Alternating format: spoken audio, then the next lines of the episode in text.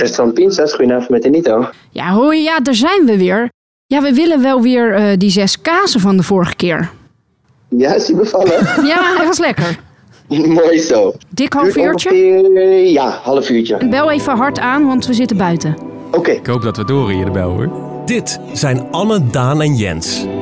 Elke maand bestellen ze pizza en delen ze met jou het geheim achter succesvolle content. The answer is context. Je moet de context kennen.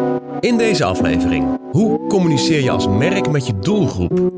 Hoe kun je nou toch slim omgaan met negatieve reacties? Iedereen ging die delen van wow, die sla is zo vers. En daarom heeft die salamander het overleefd, Appie. Dus het hele verhaal werd omgedraaid. En hoe stel je je allergrootste fans tevreden? Maar als jij 1000 euro per jaar uitgeeft, dan behoor je tot de Rouge members. En oh ja, we spreken de ghostwriter van de social accounts van grote internationale sterren en van Diederik Gommers. Juist doordat al die, die, die marketinggoeroes en, en, en social media bureautjes er bovenop springen met jij bent een merk, gaan die gasten ook echt denken van oh, dan kan ik dit niet meer doen. En dat is gewoon echt de verloedering van social media. Over naar het balkon van N is 5 in Amsterdam, want daar zitten ze in korte broek. Ja, aflevering 4 van Context alweer. En eh, in de vorige aflevering hadden wij het met elkaar over redactieformules. Dat is dan een unieke formule die sturing geeft aan de content van je merk.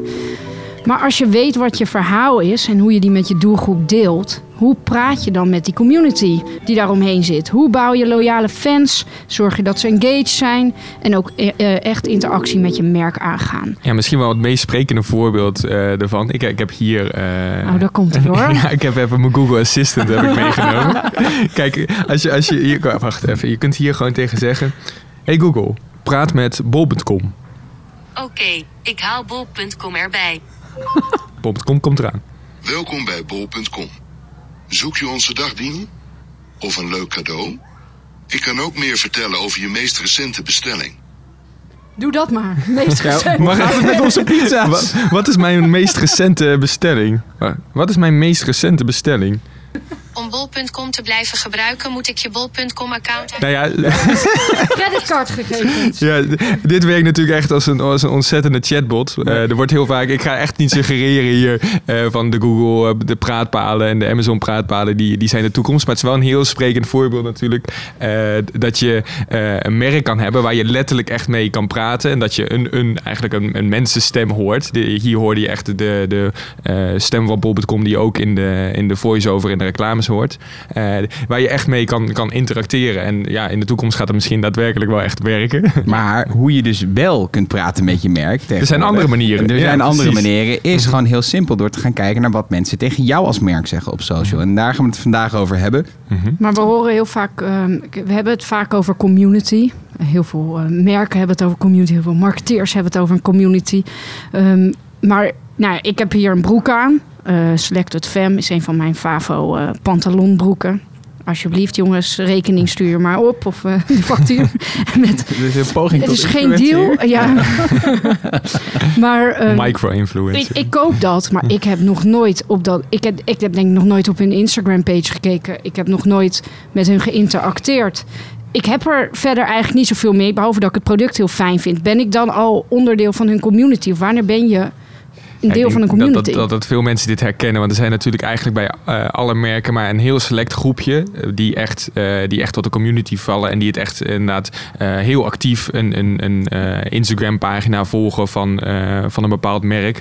Ik, ik denk dat jij als luisteraar kun je, kun je dat voor jezelf nagaan. Van ja, welk, welk merk soort van, daar ben ik echt nou echt het meest engaged mee. In mijn geval is het van, eh, zou dat misschien Apple zijn? Of eh, eh, eh, ik weet niet, jou- jouw meest engaging eh, merk? Ja, ik, ik ga tot, eh, Liquid Death, Mountain Water, nee, ja, ik ben wel een zakker voor Nike schoenen. Nike, Eh, ja. dus, eh, ben- babyroze, pastelkleurtjes.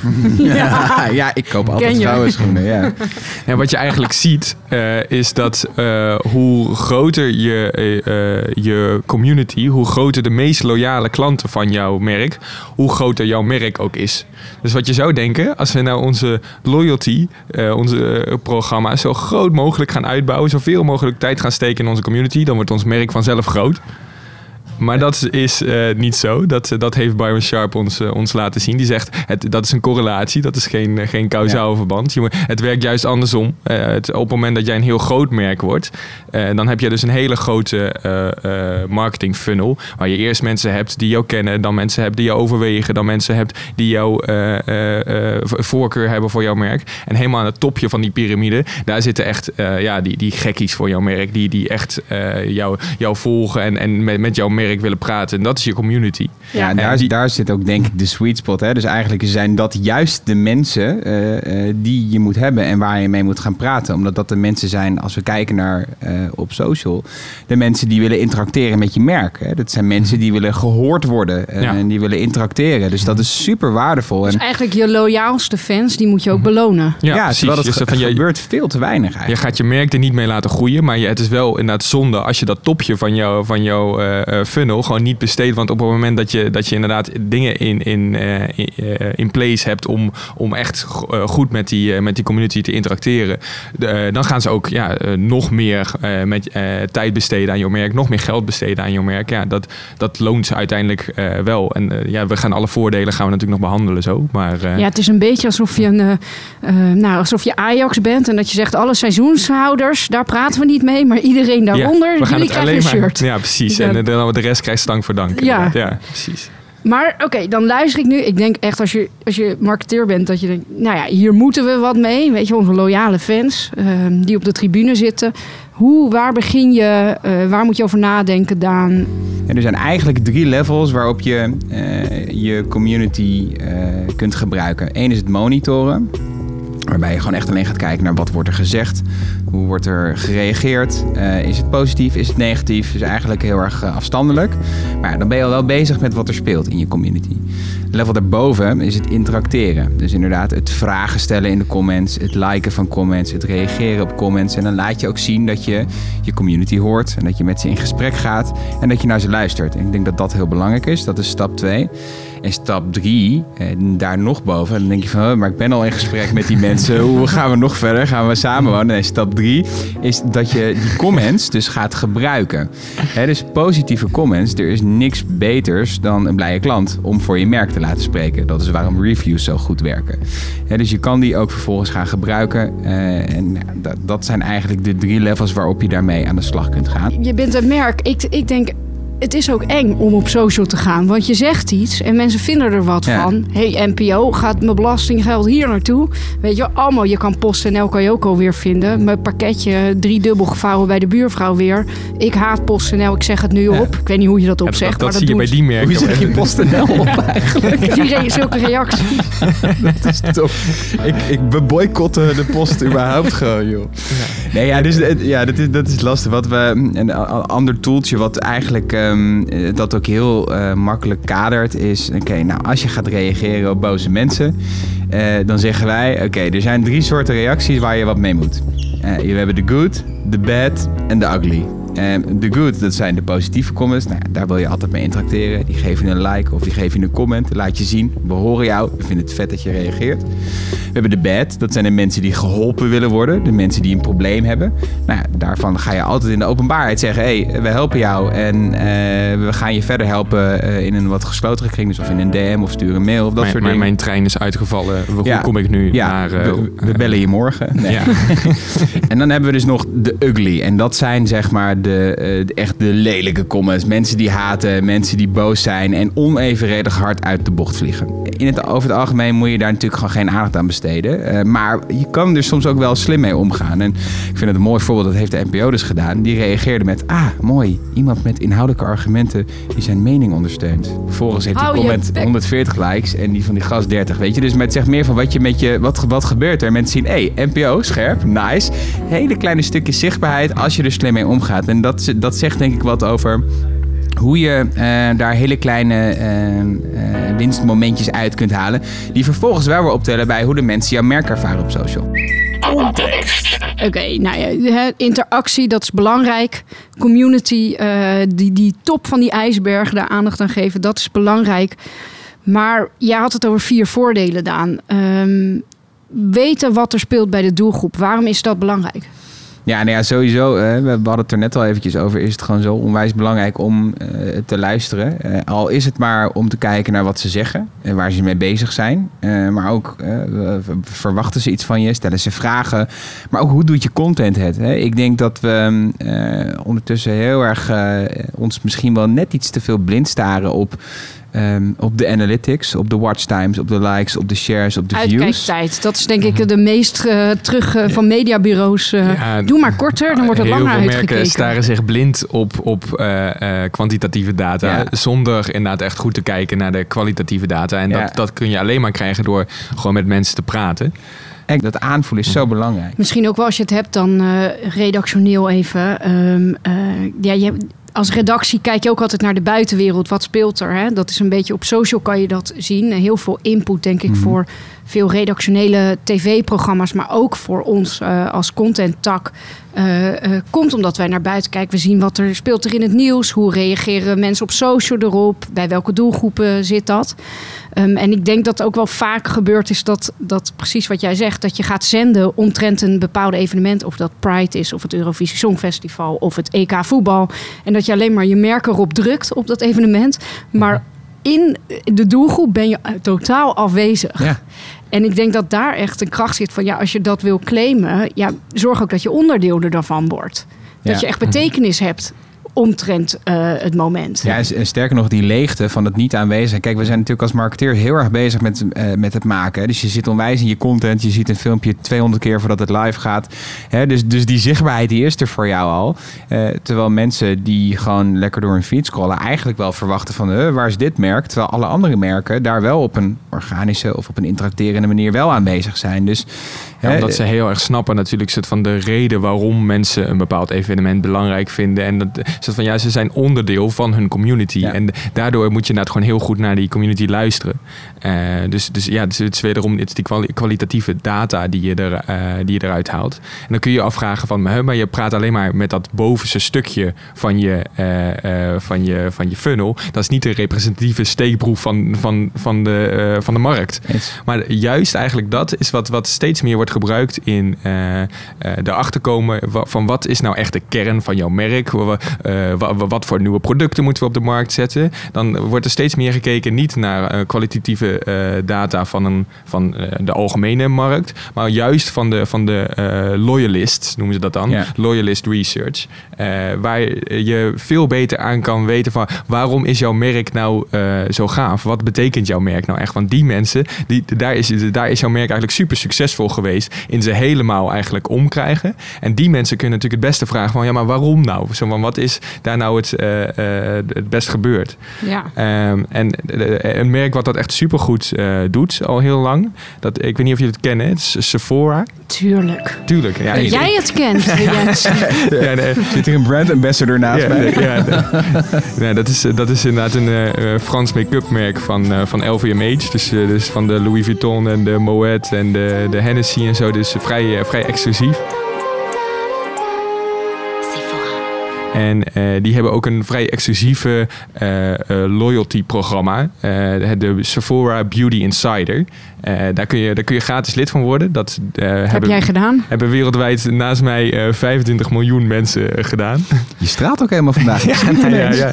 Nee, dat is mijn blush. Ja, dat, eh, maar, eh, en binnen, binnen die, eh, die, dat programma eh, is het ook nog op het moment dat jij meer uitgeeft per jaar, dan kom jij ook in een hogere rang. Dus jij, jij, eh, op het moment dat jij eh, duizend euro, Gamification du- duizend euro per jaar aan... aan, aan Scientology, toch? Gewoon een beetje een pyramid scheme, dit. ja, dit is helemaal dat exclusieve merk. Dat kun je natuurlijk ook alleen maar maken als zo'n danig merk. Maar als Ja. je 1000 euro per jaar uitgeeft, dan behoor je tot de Rouge members. Eh, en dat betekent dan ook dat jij eh, allemaal... de buren hier lachen.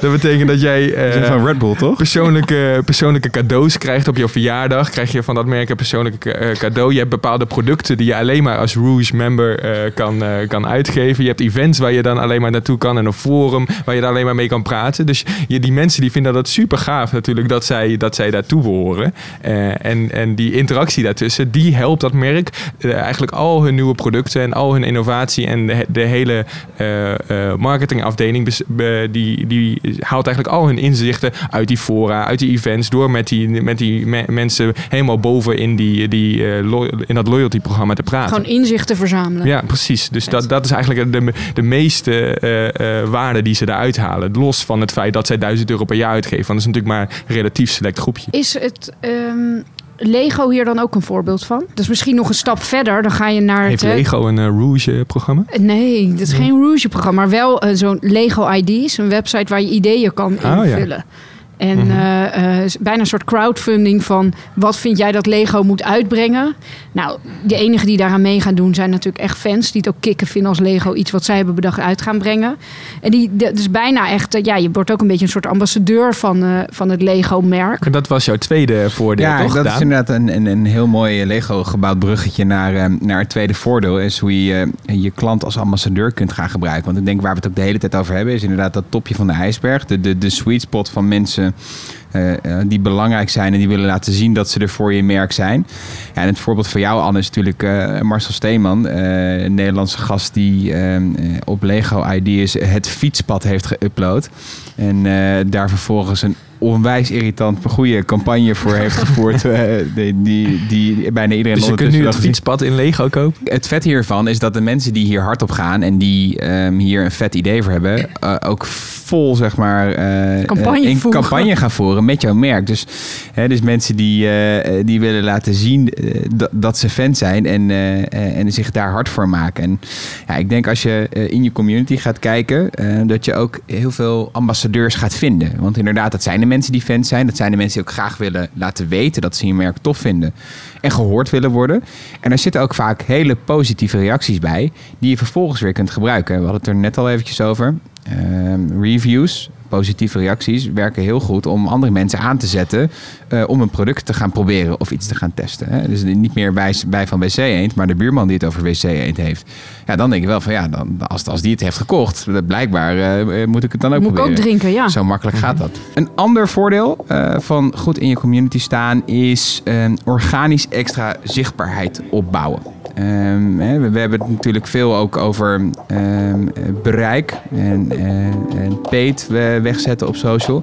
Maar eh, Er gebeurt ja, veel natuurlijk in advertising en ook wel de campagnekant. Er wordt heel veel gestuurd, gezonden waar we het over hadden. Van ja, maar je hebt ook nog een kant natuurlijk van social waarin je organisch interactie aangaat. Je wordt misschien niet meer als merk, denk ik, organisch vanuit het niets heel groot. ja, Maar er zit heel veel winst te behalen. Nee, zeker. Want ehm, eh, kijk, we werken natuurlijk ook veel met, eh, met mediabureaus die heel erg zitten op, eh, op, op afrekenen en views en dat soort dingen. En dat snap je heel erg. En met paid kun je dingen garanderen. Je kan het langer laten staan. En daardoor wordt soms wel eens vergeten dat je inderdaad organisch ook gewoon eh, heel slim kunt meedoen. En ik zei het ook aan de, aan de voorkant van, ik, word, ik ben helemaal blij van merken die durven zich uit te spreken. ehm, eh, en op social daar eh, met één tweet eigenlijk de impact van een hele eh, eh, maandcampagne bij wijze van spreken halen. Een, een tof voorbeeld daarvan eh, is, is Wendy's. Je kent wel de bekende burgerketen uit Amerika, die overigens sowieso heel erg eh, eh, nou ja, met een knipoog gebruik maakt van social media. En eh, iemand had tegen ze gezegd: So Wendy's, you just gonna let IHOP sell burgers on your block?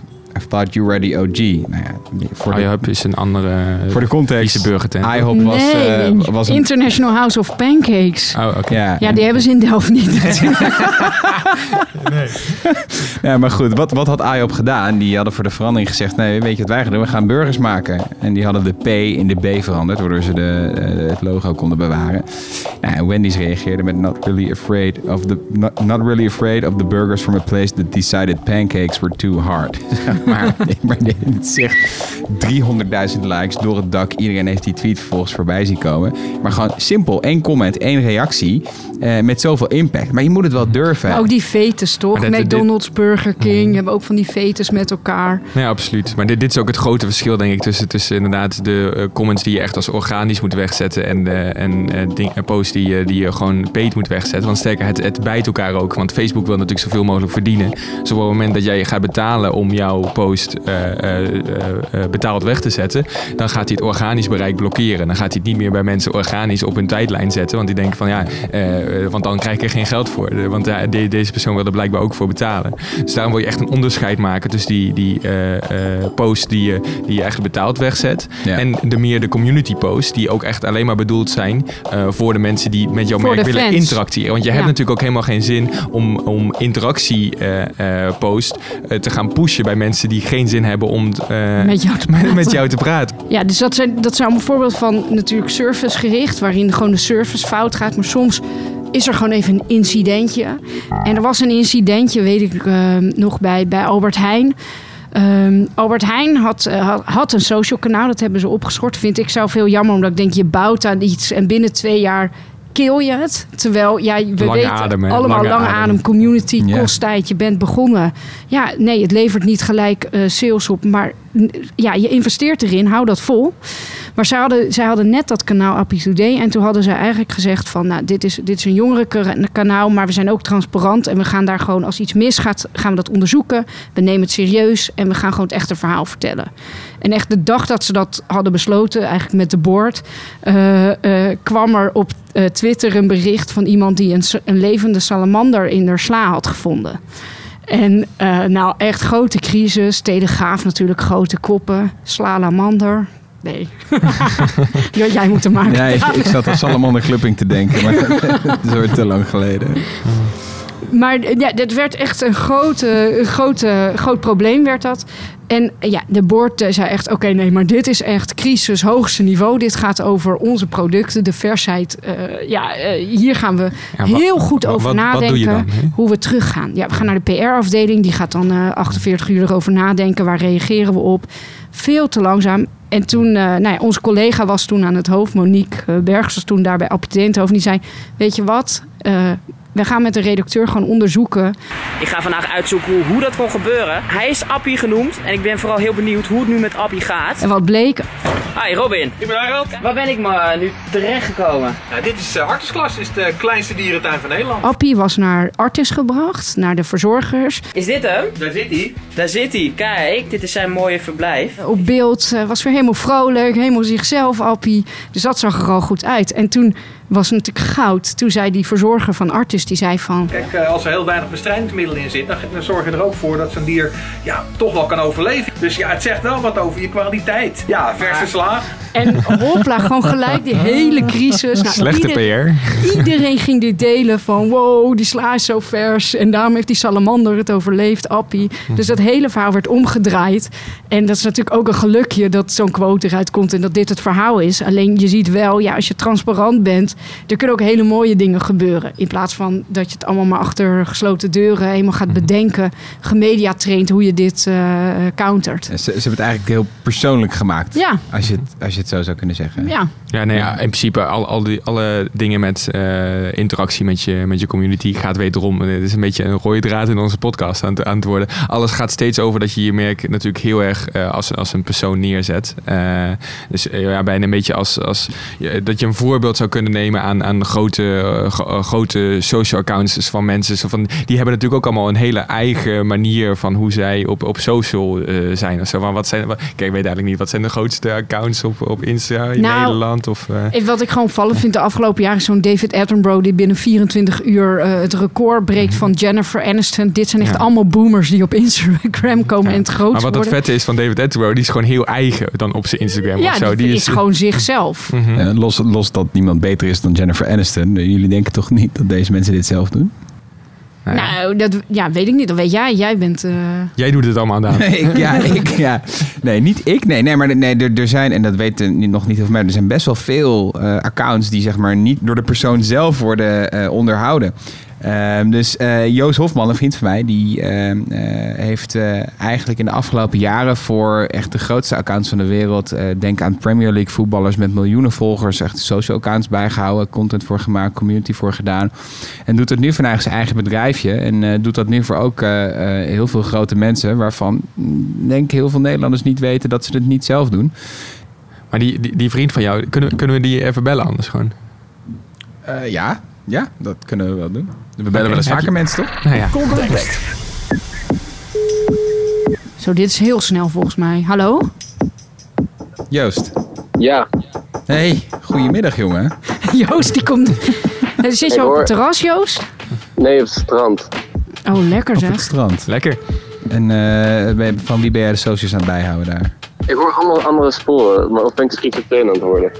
Nee, je hoort drie mensen. Ehm, Joost, wij, wij hebben het hier vandaag gehad over, eh, over community en community interactie eigenlijk. Dus hoe je eh, als merk met je volgers interacteert. Ehm, en daarbij trekken we ook wel heel erg de conclusie dat je ehm, steeds vaker ziet dat merken ehm, als persoon gaan praten. En daar weet jij een hele hoop van af eh, in wat jij in het dag, dagelijkse leven doet. Vertel eens. Heel vaak zie je dat zeker in de sport- en entertainment- entertainment-industrie zie je alles een beetje afgestompt op clichés. Zeker in de sport. Terwijl er best vaak nog eh, nou, redelijk leuke gasten zijn. Eh, dus mijn taak is eigenlijk om die persoonlijkheid zo authentiek mogelijk over te brengen naar de fans. Voor wie doe je dat? Ik kan niet alle namen noemen. eh, maar eh, een paar, vooral coureurs, Formule 1 en IndyCar. Eh, maar ook eh, bijvoorbeeld uh, Roel Velsen, Diederik Gommers. Ehm, nog wat Grappig, schaatsers. dat is, wel, dat, is, dat is wel een account wat eh, volgens mij best wel recent pas is opgestart, toch?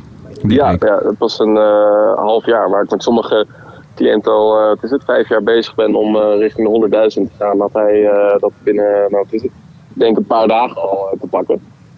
Eh, En als je je bijvoorbeeld dan in, in Diederik Gommers moet gaan eh, inleven eigenlijk, want je, je moet namens hem moet je zijn social gaan doen. Heb je daar bepaalde guidelines dan voor jezelf van hoe, hoe doe ik als Diederik Gommers? Nou, kijk, en daar komt dat eh, stukje authenticiteit weer terug. En dat is zo belangrijk ook. En Diederik is natuurlijk een hele aimabele, eh, sympathieke man. Dus daar hoef je ook niet heel veel voor te doen. Het enige wat je dan moet doen is, denk hetzelfde wat een ghostwriter doet. Eh, gewoon goed opletten op, op, op woordgebruik, intonatie. Eh, en het ook niet mooier maken dan het is. En ik moet eerlijk zeggen dat, dat, dat Diederik ongeveer de nou ja, meest relaxed eh, klant is. Want die zegt soms zelfs dingen waar ik van leer. Weet je, dat in het begin bijvoorbeeld dan zei ik van laten we, het, laten we de comment sectie afsluiten voor alleen mensen die jou eh, volgen. Dan krijg je niet die hele, die hele discussies eh, eronder. Maar het zei nee, ik wil gewoon met iedereen in gesprek gaan. Eh, en dat doet hij dan vervolgens ook. En, dan- Past heel goed bij het merk Diederik Gommers wel inderdaad. nou ja, ik, ik weet nog, ik heb hiervoor heb ik vijf jaar lang voor een bedrijf gewerkt en daar deden we voornamelijk voetballers, social media. Maar ook eh, andere sporten, maar echt met name voetballers. En eh, toen hoorde ik mezelf altijd in het begin tegen die voetballers zeggen: Jij bent een merk. En hoe vaker ik het zei, hoe echt meer hekel ik aan mezelf kreeg. Dat ik echt dacht: van, Je bent echt helemaal geen merk. Je bent gewoon een leuke gozer. Laat dat dan ook gewoon zien. En juist doordat al die, die, die marketinggoeroes en, en, en social media bureautjes er bovenop springen met jij bent een merk, gaan die gasten ook echt denken van oh, dan kan ik dit niet meer doen, dan kan ik dit niet meer doen. En dat is gewoon echt de verloedering van social media. Dus jij zegt eigenlijk dat normaal, eh, zodra je jezelf wat meer als een merk gaat zien, dan eh, wordt je karakter ook wat eendimensionaler, wordt je voorspelbaarder en minder authentiek. Nou, je wordt een merk door wat je doet. Kijk, Cristiano Ronaldo, dat is wel dat is een merk, absoluut. Max Verstappen is een merk. Alleen als Cristiano Ronaldo bij Go Ahead Eagles had gespeeld en er zelf uit had gezien, weet je, dan, dan had hij niet de mogelijkheid gekregen om een merk te worden. Dus eh, prestaties zorgen ervoor dat je een merk wordt. En identiteit, dat ben je. Dat kun je niet gaan creëren. Dat, dat is hoe authentieker je bent, hoe krachtiger... Sorry, is, Diederik Nou, je bent op het strand, eh, hoop ik. Ja, ik, ik heb een debrief met Diederik. Ja, we moeten door, want de pizza komt eraan. ja, mijn burger die komt er ook aan. Dus super. Oké, nou, eet smakelijk. En Geniet nog zon. is al lauw geworden. Nee. IJsklontje erin, je kent het. Precies. Thanks Joost. Nou, kortom, wat eh, kunnen we eigenlijk concluderen na, na, na dik half uur eh, community interactie en Joost? Eh, nou, naast het feit dat het heel lekker warm hier is op het balkon, eh, kunnen we concluderen dat, het, eh, eh, ja, dat, je, dat je als merk je, eh, echt een, een, ja, een Oh, persoonlijkheid... wacht even. Daan, je hebt weer een taak. Nice. De pizza. Oké, ga verder, Ja, Jens. sorry. Ja, eh, ja, we kunnen concluderen natuurlijk dat je als merk echt je persoonlijkheid moet vinden en daarin zo authentiek mogelijk eh, alles moet reageren. Probeer niet inderdaad een draaiboek af te gaan. Probeer ook een bepaalde, binnen bepaalde eh, richtlijnen die je, die je stelt binnen, voor je redactieformule en je tone of voice, wel die vrijheid te geven dat je echt ja, als, als mens gewoon in gesprek gaat met je community. En dat, het, ja, dat dat in gesprek gaan met je community, dat het onwijs veel voordelen heeft voor je merk. Zo van je haalt de data, de, de, de kwalitatieve data haal je eruit. Eh, maar ook inderdaad gaan die mensen, die, ja, die, die, die zijn ook ambassadeur voor je merk. En gaan vervolgens ook eh, eh, eh, ja, Je weet wat er speelt. veel kopen van je merk. Dat is natuurlijk ook belangrijk. Ja, je kan crisismanagement doen. En het belangrijkste denk ik wel echt dat... Vond ik echt goud, gewoon dat topje van de ijsberg. Dat zijn gewoon je grootste fans. Weet je die, zitten op de, die, die betalen het dubbele voor de eerste rij. En dan wat doe jij? Dan kijk je over ze heen. Nou, dat moet je gewoon nooit doen. mhm. Waardeer je grootste fans inderdaad. Ik heb er nog een paar biertjes bij gepakt. In een eh, flesje. En eh, heel veel kaas. Oh. Lekker. Heerlijk. Oh, dat... Heeft iemand een open? Oh nee, Jens heeft hem al open. Ja hoor. Ja, zo doen ze dat in Delft. Cheers, Cheers. jongens. Op onze community. Ja, cheers. Oké jongens, laat de pizza niet koud worden. Ik zal de afsluiting even doen. Maak deel uit van de community van deze podcast. Reageer, like, deel, DM, tweet of vertel je collega's over deze podcast. En uiteraard krijg je dan een mooi persoonlijk bericht terug van Anne, Jens of Daan. Of van hun ghostwriters.